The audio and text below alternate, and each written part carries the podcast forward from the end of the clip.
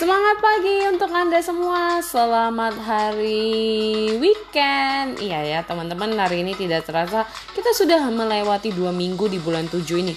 Nah, teman-teman, uh, luar biasa ya, tidak terasa waktu itu berlalu begitu cepat, teman-teman. Sisa 5 bulan lagi di tahun 2022 uh, di 2021 mau cepet-cepet aja ya nih Fitri ini. Nah teman-teman di sini bukan untuk rasa gimana menakuti kita, wah ternyata waktu itu berjalan dengan cepat. Yang bisa kita pelajari adalah teman-teman gini ya. Kadang saya merenungkannya adalah gini, hari demi hari itu cepat banget ya berlalu. Mungkin buat kita yang bekerja cepat banget pagi, kerja siang, malam, istirahat, tidur dan sebagainya. Seperti itu aja perputaran roda kehidupan yang kita jalani.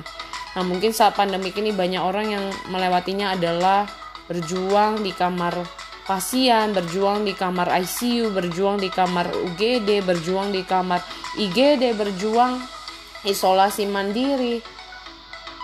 Yang saya mau bagikan adalah bahwa teman-teman kadang saking sibuknya dengan hidup kita dengan yang kita lakukan pernahkah kita kayak duduk termenung kayak kita bertanya kita kayak berdoa gitu ya kayak nanya Tuhan kenapa ya waktu itu cepat banget berlalu? Tuhan kenapa ya kayak uh, hidup ini cepat banget usia bertambah setiap tahunnya?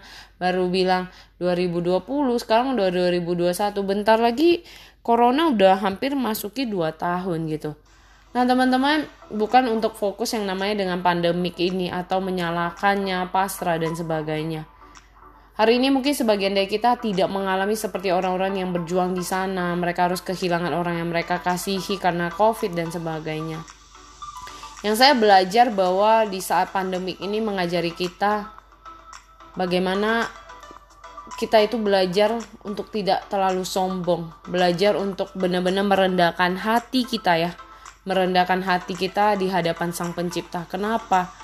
Mungkin selama ini kita bisa aja egois ngomong, Allah Tuhan, kenapa sih kayak begini? Aduh Tuhan, ini semua saya bisa kerjain. Aduh Tuhan, gini-gini. Tapi di saat Tuhan penuh kesabaran dan Tuhan benar-benar uh, hadirkan corona ini bukan berarti kayak Tuhan menghukum kita manusia ya.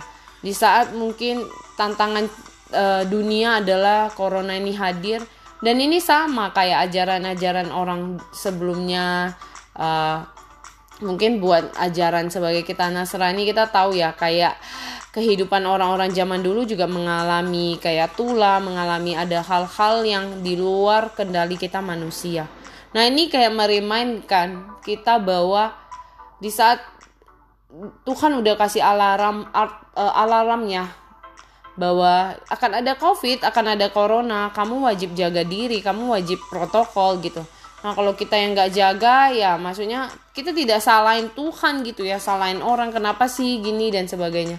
Karena kita udah di remind gitu loh e, tidak menganggap bahwa ini nggak ada tidak menganggap bahwa ini e, hoax dan sebagainya.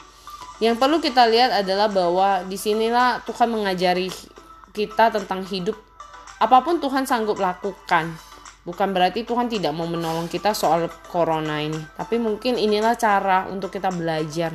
Belajar bagaimana mungkin selama ini secara saya pribadi saya jadi belajar ya.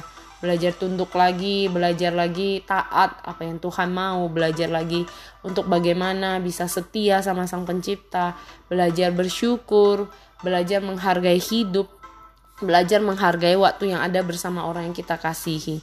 Jadi teman-teman, Mari hargai momen yang ada di saat kita masih dipercayakan hidup ini. Bukan soal selalu mengeluh, soal menyalahkan keadaan, bukan fokus melihat corona ini menakutkan dan sebagainya.